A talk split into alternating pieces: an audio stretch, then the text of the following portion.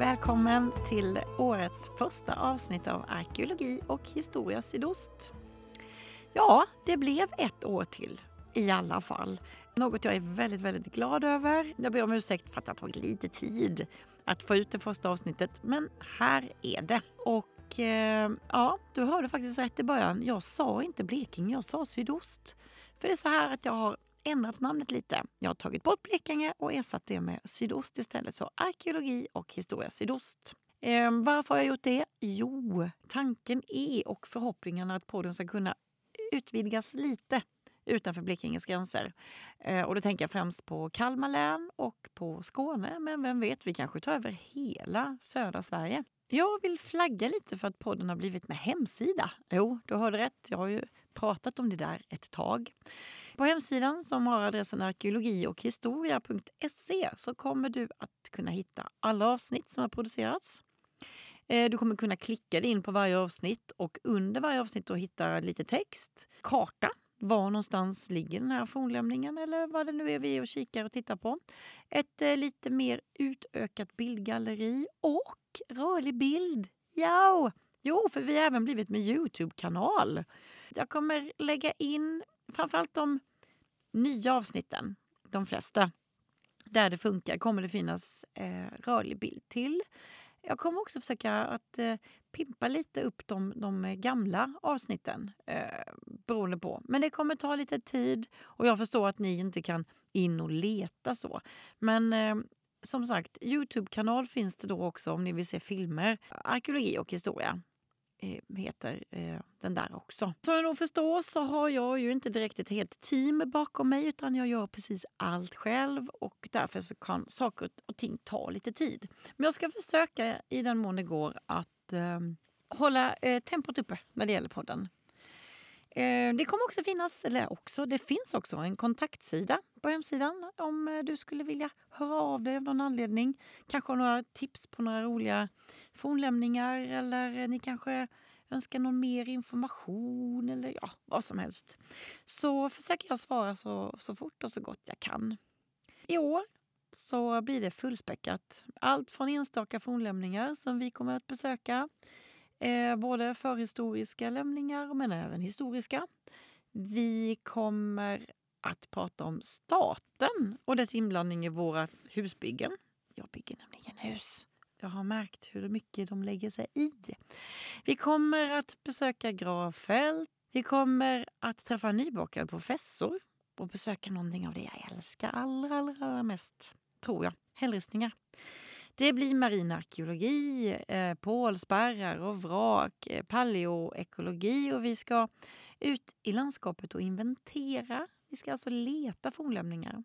Vi ska prata sprittillverkning och ja, fältslag om jag får som jag vill.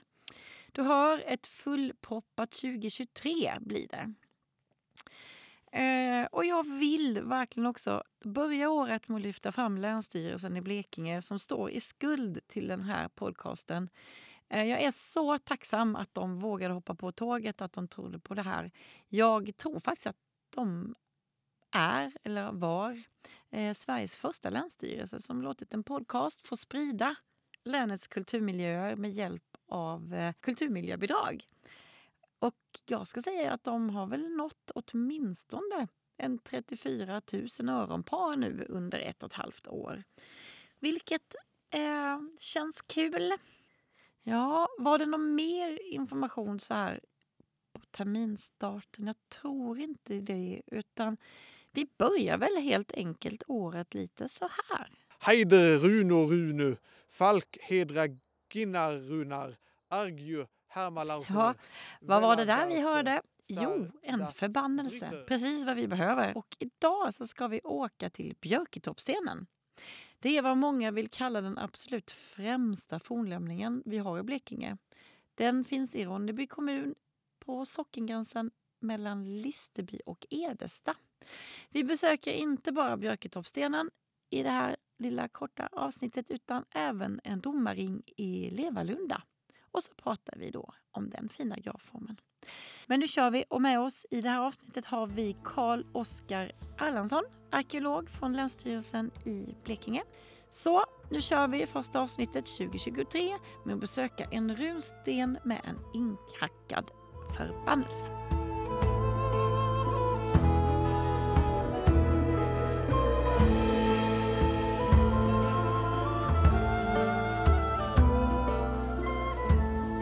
Så är det en fornlämning, om man tänker på, på Blekinge, om man ska ha någon fornlämning som verkligen har ett symbolvärde, det här är Blekinges främsta fornlämning eller det här liksom.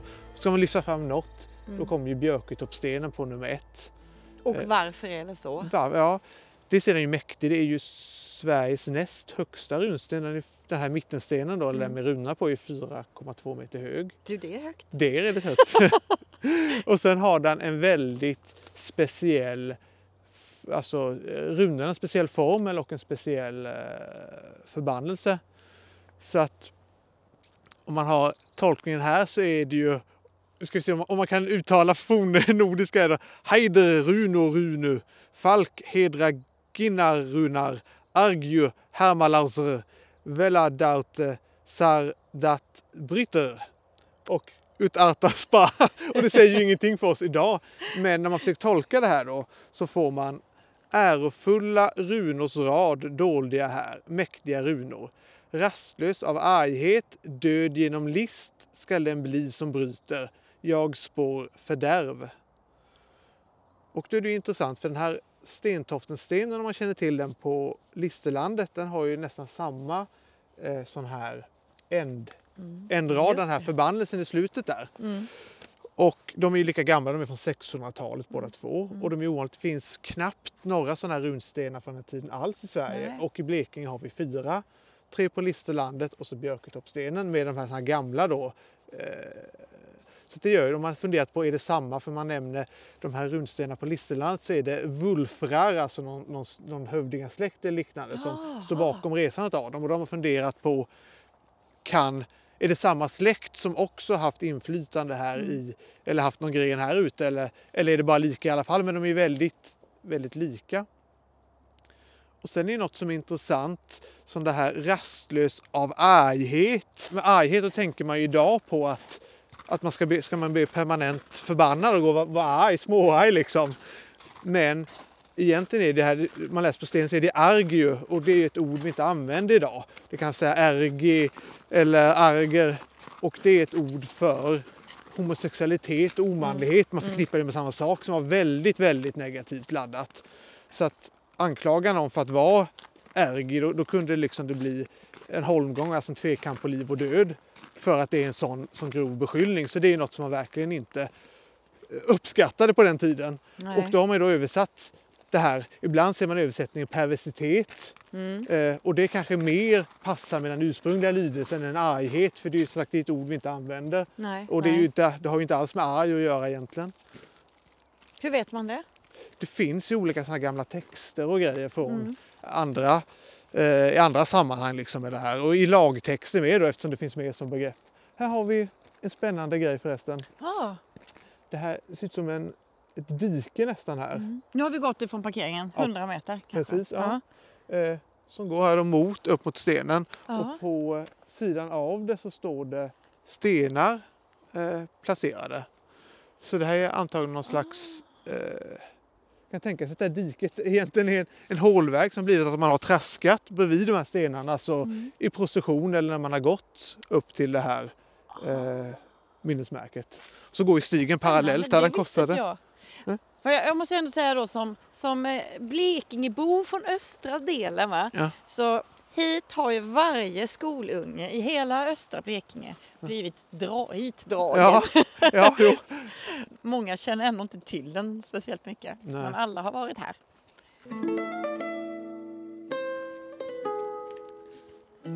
Så kan man ju fundera vad den har använts till den här platsen.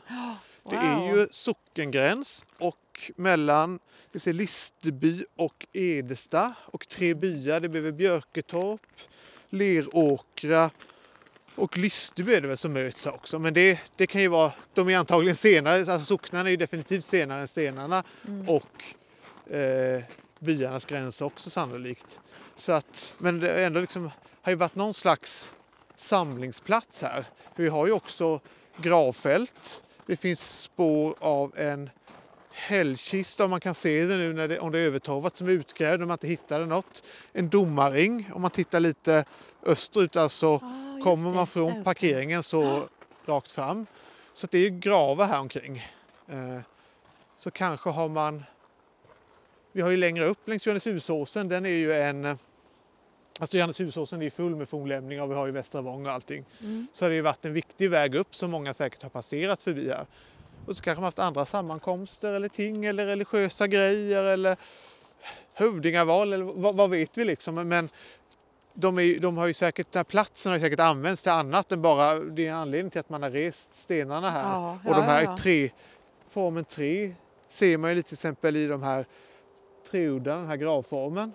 Just det. Och där funderar man ibland på om är treudden i de sammanhangen kan det föreställa att eh, världsträdet Yggdrasil med dess tre rötter till de olika världarna då. Och Mm. ibland i mitten kan man se att det varit som en grop som man kan tänka sig att det kanske har stått då en någon slags eh, Mm. trä... Säger man träpelare säger man inte en trästock? Ja, ja, ja. Eller en, en som symboliserar trädet då. Mm, Och nu behöver inte det här vara det. Men, men den här formen återkommer ju med tre i alla fall. Och den är ju... Men- fram i tiden, alla sagor och sånt är också tre. Formen liksom är Ja, ju speciell. otroligt mäktigt. Jag har faktiskt bara varit här när det varit liksom löv på träden och så. Ja. Och då har de känts lite, eller ni har, länsstyrelsen har öppnat upp lite runt. Eller för, Både vi och sen har man ju tagit ner skogen här som är ja, norr om markägaren det är. Så det gör de det. mycket. Ja. Ja, ja, ja, för det blev plötsligt så fick de lite mer Ja. den tyngden som man påstår eller berättar Ja. om. Liksom. Ja. Det lite, ja, när det begav sig då hade det ju varit, så landskapet överlag var ju rätt öppet Ja. med betande djur och liksom folk tog, när det var sådana här befo- befolkat område, liksom, folk tog ved Mm. till eh, värma sina hus och till redskap och då blev det ju rätt avskogat. Mm. Så det var nog rätt öppet här omkring och sen tittar man på gamla bilder och sådär så har ju landskapet runt omkring Björktorpsstenen växlat. Mm. Folk har varit här alla år och fotat och tagit bilder så länge man haft Just kameror liksom, Ja, eller till ja. och med målat av som vi såg där. Mm. Och varje, varje tid har ju sin.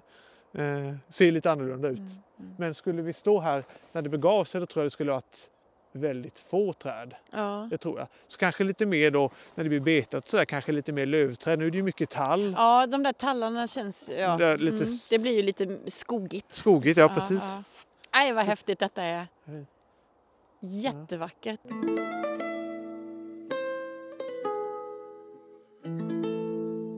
Men du, Ja, för den som inte vet, vad är en runsten? ja det är en, en sten med... när man ristat runor på. Ja, ja, ja precis. Ja, det var ju en, en dum förklaring. Nej, men det, sen har man ju ristat runor på andra saker också. Mm. Man har ju ristat på städer och sådär, det, det, det är lite mer våta förhållanden kan man hitta trägrejer eller ben med runor och grejer. Sen är det ju det att det vi har kvar det är ju det som är i sten som inte har ruttnat bort. Eh, Men ofta kan man se, nu är den här ovanligt gammal, 600-tal. Men de Hur allra, vet du det? eh, det är på stilen på eh, vad heter det, de här runtecknen. Det finns forskning. Ja, Just det, det, är ju de, det de där. växlar. Sen är det ju en, den, ofta man ser det, de flesta är från 1000-talet. Och det är den yngre runraden, det är lite andra tecken och sådär. Och de är, majoriteten av de här, man tänker ju att runstenar är något hedniskt liksom, att man tänker på att, på att de hör ju till det gamla, men de mesta Stor, stor, många av dem har kristna budskap, faktiskt majoriteten där det står där Gud hjälpa hans själ och sådana här grejer. Mm. Så att de är ju faktiskt uppkomna i en kristen kontext sen. Eh, och de hittar man ju ofta vid broar till exempel, alltså där man har rest de här för att man vet att folk passerar och ska Ja. läsa på dem och sådär. Och ibland hittar man dem ju utanför kyrkor eller i kyrkor. De har ju ofta återanvänt stenarna i murarna sen har man just tagit bort dem så det är också en anledning till att de hittar där. Men sådana här platser där folk har varit mycket. Ja, ja. Ofta är det ju till minne av en död anförvant och då en sån här... ja, Mm. Eller som här, en, en informationsskylt. Informationsskylt. Men de är ju väldigt speciella de här gamla. Ja, och de här. Så att det är ju Mm, inte en, är inte en standardrunsten om man säger Nej. det här är ju väldigt speciell och de på Listerlandet då. Mm. Eh, Så det är ju... Men vet man varför de finns i Blekinge just de här? Nej, det är väl en... Du måste... Man kan ju tänka sig att det är närmare till kontinenten liksom. Mm. Fast klart, de har inte haft runor med andra skriftspråk, att man blir inspirerad och mer och sådär. Mm. Men varför, varför just de här vulfrarna nu, eller om det är någon annan just här i, i Björketorp har valt det här och man inte gjort det i andra bygder. Varför Mm. har vi inte sådana här tättbefolkade bygder, till exempel på Öland är inte så långt eller, eh, och ändå Men mycket fick, folk i jag fick samma höra tid. häromdagen, Ja. jag tror det var Ivar Vänster som pratade om att blekingarna har, hade ju för länge sedan ett rykte om att vara, och var väldigt argsinta och lite våldsamma och lite Ja. sådär. Ja, Kanske är det. säkert. Ja. Vi har bott i det här gränslandet, aldrig vetat vem är jag fiende och vem är jag Nej, vän med. nej.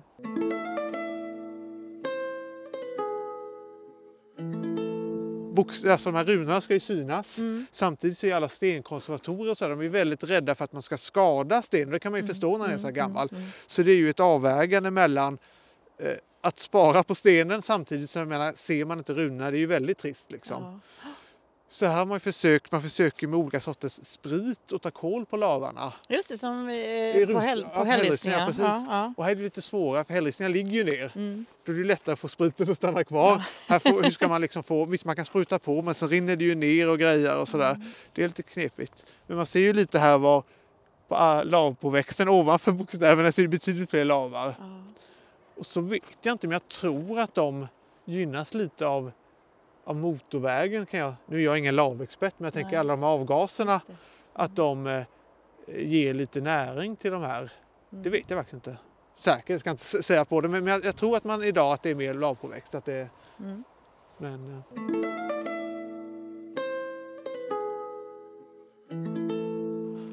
De Du, finns, alltså ja. den står, denna runorna står ju själv. Ja. De andra, vet man finns det nå- någonting på dem eller? Det finns en skålgrop finns det på eh, den här eh, själva Björketorpsstenen. Ja just det, vi upp. hittar den. den. Är den högst upp eller? Jag kanske är där, jag kommer inte ihåg Ja. faktiskt. Jag vet, ja, här har vi baksidan kan vi titta på. Där, där står det här Ja men här står något. Arta spa och det, det översätts ju med jag spår fördärv eller Ah. eh.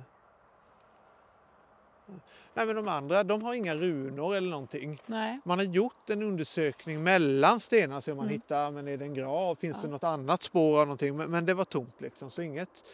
Så att det här själva monumentet. Men visst, de här stenarna, man, man kan ju, jag, jag tänker att man har haft olika sammankomster här liksom. Mm. Nu vet jag att de har haft ting längre upp, men de här tingen långt fram i tiden, alltså man, det är inte bara på en plats som det blir senare, de har tingshuset, utan de är utomhus ofta på Mm. olika gravfält och olika ställen.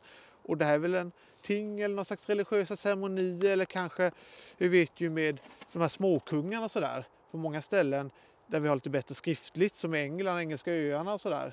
Eh, där är det ju, de här, man väljer kungar på ett sätt. Sen är val och val, det kanske är rätt givet vilken släkt man väljer ifrån men det är ändå en slags ceremonier kan jag säga när man då vem som ska bli nästa liksom, kung och sådär. Och då finns det ju flera, vi har ju de här kända Stone of Scone heter den var Englands sån här kungasten och det finns såna irländska och det är ju stenar förknippade med de här kungavalsceremonierna. Mm. Och nu ska inte jag gå och säga att man har haft kungaval i de här, men, men jag menar sådana här slags grejer Mm. kan man ju tänka sig att det, gör man det någonstans då är väl ett sånt här ställe där du har de här mäktiga monumentet, du har gravfält. Vi ser ett par redan nu men det, det är ju säkert många under mark vi inte ser och sådär. Att det är där man träffas och gör det här och det är en, ett, ett stråk här liksom till Johanneshusåsen. Och... Ska vi gå upp och kika på domaren Ja förresten? definitivt.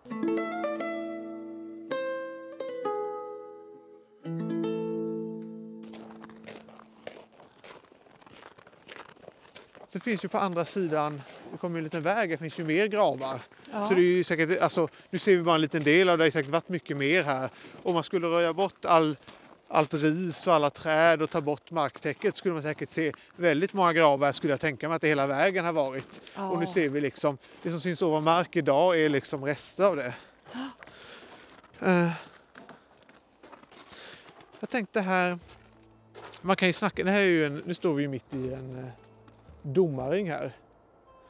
Eh, jag vet inte, ska vi, ska vi åka till Levedon och den domarringen så kan det ju vara något att ha där eller ska vi Mm. snacka om domarringen redan nu? Vad tänker du blir bäst? Vi, vi kan åka till nästa. Det gör vi, så har vi lite något att säga där med. Nej men det är roligt. Är leva, leva, leva.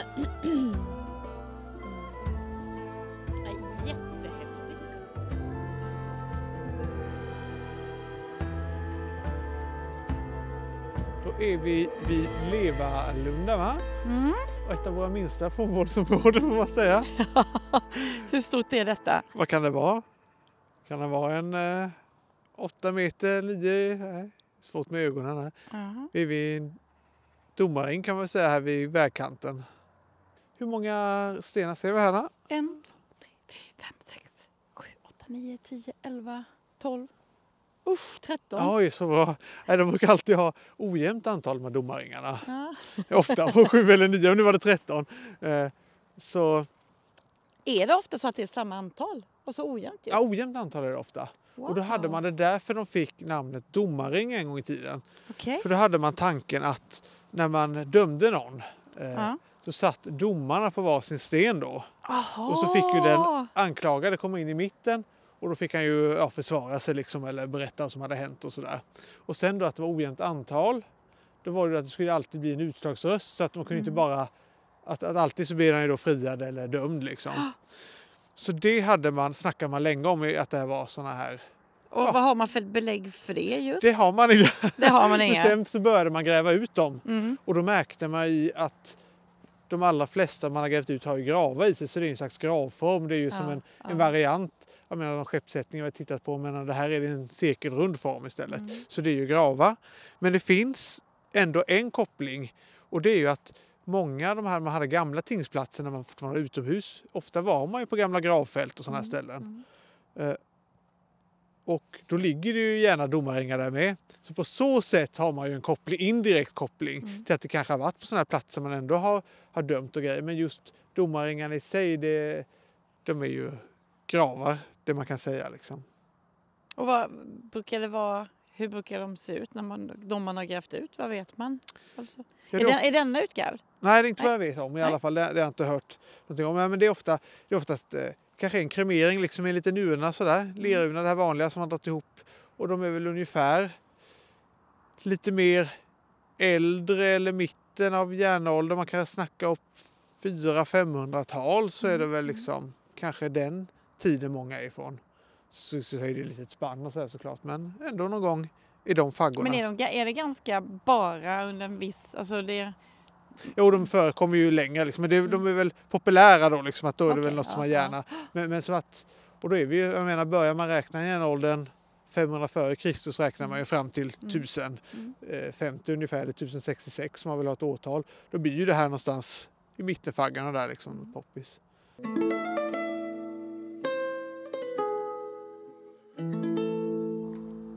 Ska man nämna, om det nu är de här, du vet ju inte exakt hur gammalt, men vi säger att det är mitten av järnåldern där. Det Ja. blir ju ett, det blir ju ett, ett brott där i Mm. mitten. Man, man säger folkvandringstiden slutar ungefär 550 och så kommer Mm. mm. medeltiden, äldre och Mm. yngre järnålder där.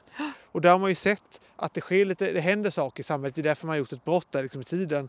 Men nu med moderna metoder har man ju sett det här med att det är ju en befolkningsminskning som är stor. ja. Och då har man ju sett, först började man väl se det liksom, ja, men färre gravar, lite fattiga och sådana grejer. Och sen började man ju ta i sådana här pollenprov i alltså sjöar och sådana grejer. Och såg ju då att på många ställen växer ju i hela, hela Skandinavien på många ställen så växer ju landskapen igen. Att det liksom mindre åkermark och kanske mer ängsmark eller till och med mer skogsmark. Och det tyder på en befolkningsminskning. Mm. Och sen snackar man de senaste åren har man ju sett de här vulkanutbrotten.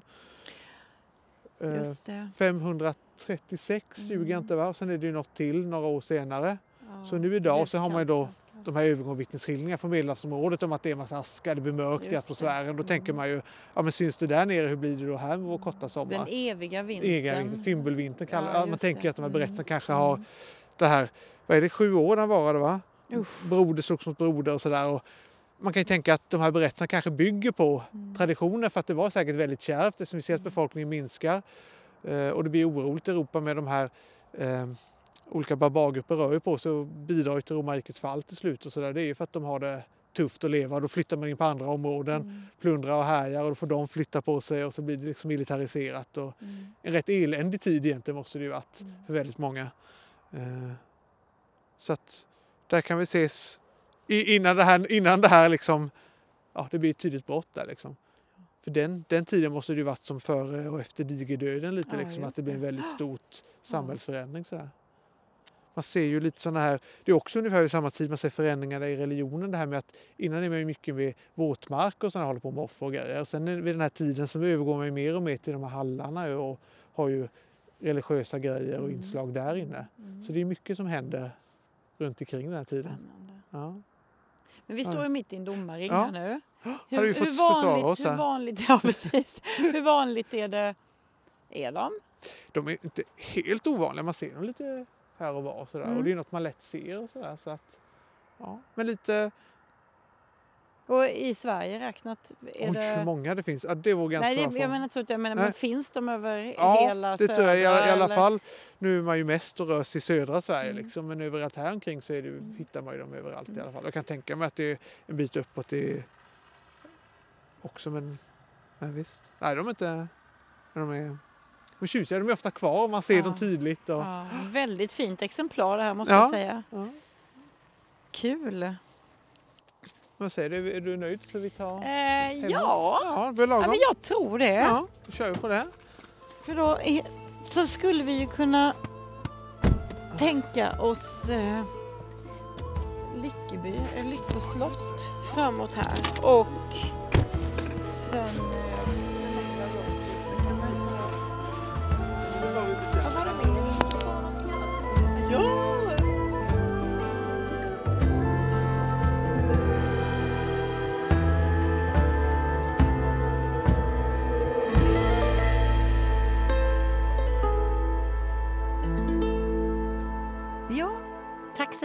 Karl-Oskar Erlandsson, arkeolog från Länsstyrelsen i Blekinge som alltså visade oss Björketorpsstenen och eh, domarringen i Levalunda i Ronneby kommun båda två.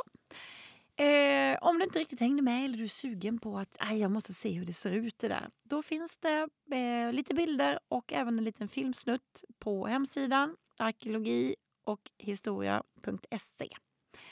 Eh, ja, Tack säger jag till Länsstyrelsen i Blekinge också för 17 gubbar som eh, har gjort det här avsnittet möjligt. Och nästa vecka, ja, då kommer vi ge oss ut eh, en bit utanför Karlskrona i östra Blekinge. Vi ska titta lite på hur staten under århundradena, eller nästan årtusendena, har lagt sig i hur vi bygger våra hus.